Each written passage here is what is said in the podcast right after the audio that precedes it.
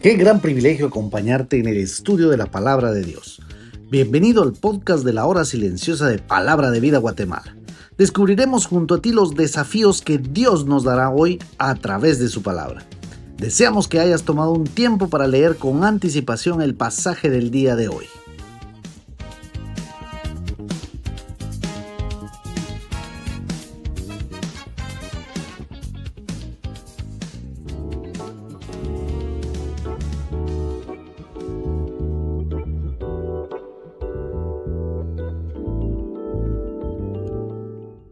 Nuevamente te damos la bienvenida al comentario de la hora silenciosa de Palabra de Vida Guatemala. Mi nombre es Ronnie Ajín y hoy estaremos meditando en el libro de Nehemías capítulo 9 de los versículos del 1 al 15.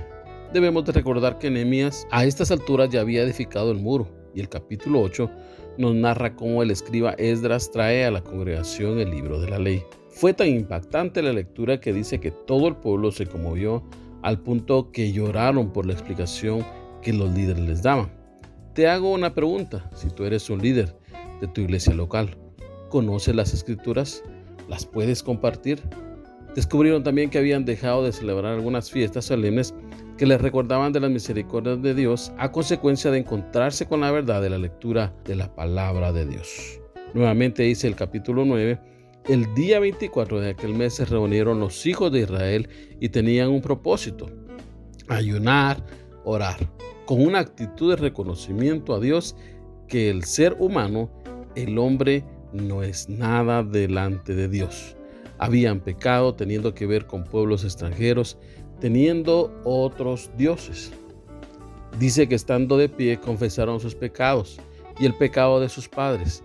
Es curioso, pero el escritor resalta la actitud de que estaban de pie en su lugar y leyeron la palabra durante la cuarta parte del día, es decir, durante seis horas, y otras seis horas confesaron sus pecados y adoraron a Dios. Cuando asistimos a nuestras congregaciones estamos tan acomodados que buscamos tener cultos o reuniones light. Queremos que todo sea rápido y no nos interesa para nada que Dios nos hable a nuestras vidas. Como puedes ver, el relato hasta aquí nos muestra cuán importante es la Biblia y lo que ella puede producir en nuestras vidas. Entender lo que somos delante de Dios. El profeta Isaías en su capítulo 1, versículo 6 dice lo que el hombre es. Desde la planta del pie hasta la cabeza no hay en él cosa sana, sino herida, hinchazón y podrida llaga. Eso es lo que somos como hombres, como seres humanos. Nehemías con los líderes reconocen que esto es así y que necesitan llenarse de la palabra de Dios y confesar sus pecados, recordando a través de la palabra de Dios lo que les había traído a la memoria. En el versículo 5 en adelante nos dice que el relato bíblico que los líderes hacen una de las oraciones más largas descritas en la Biblia. Ellos recuerdan la bondad de Dios al crear el cielo y la tierra cómo escogió a Abraham y lo sacó de Ur de los caldeos. Dice que Dios escogió a Abraham porque tenía un corazón fiel para el Señor. También lo sacó de Egipto, mostrándole su poder al faraón. Dios cumplió su palabra fielmente.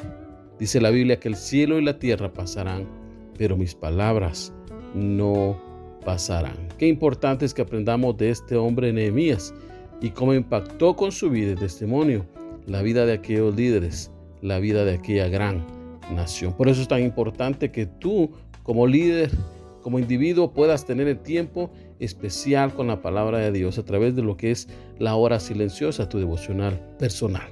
Por eso vívelo. ¿Cuánto puedo yo decir que oro? ¿Será que seis horas como Nehemías? ¿Confieso mi pecado y me arrepiento?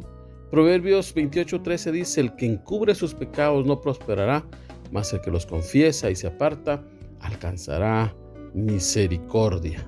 ¿Cuánto leo la Biblia? Seis horas como Nehemías.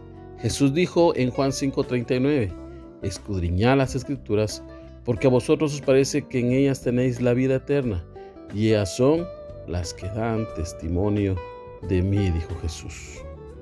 ¿Cuánto recuerdo y medito en su palabra?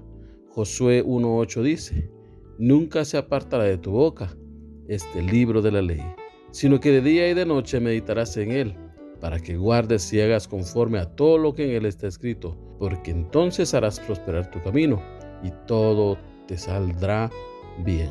¿Cuánto la memorizo y la practico? ¿Puedo acaso recordar lo que Dios ha hecho en mi vida? El Salmo 103 dice, bendice alma mía Jehová y bendiga todo mi ser su santo nombre. Bendice alma mía Jehová y no olvides ninguno de sus beneficios. Estoy agradecido por su bondad infinita a mi vida. Reflexiona y vive como lo hizo Nehemías. Que el Señor te bendiga.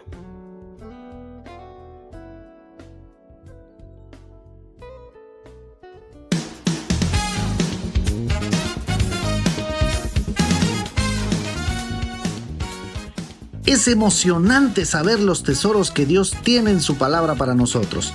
Ayuda a tus amigos a que descubran la voluntad de Dios para su vida. Comparte este podcast con ellos. No olvides seguirnos en nuestras redes sociales.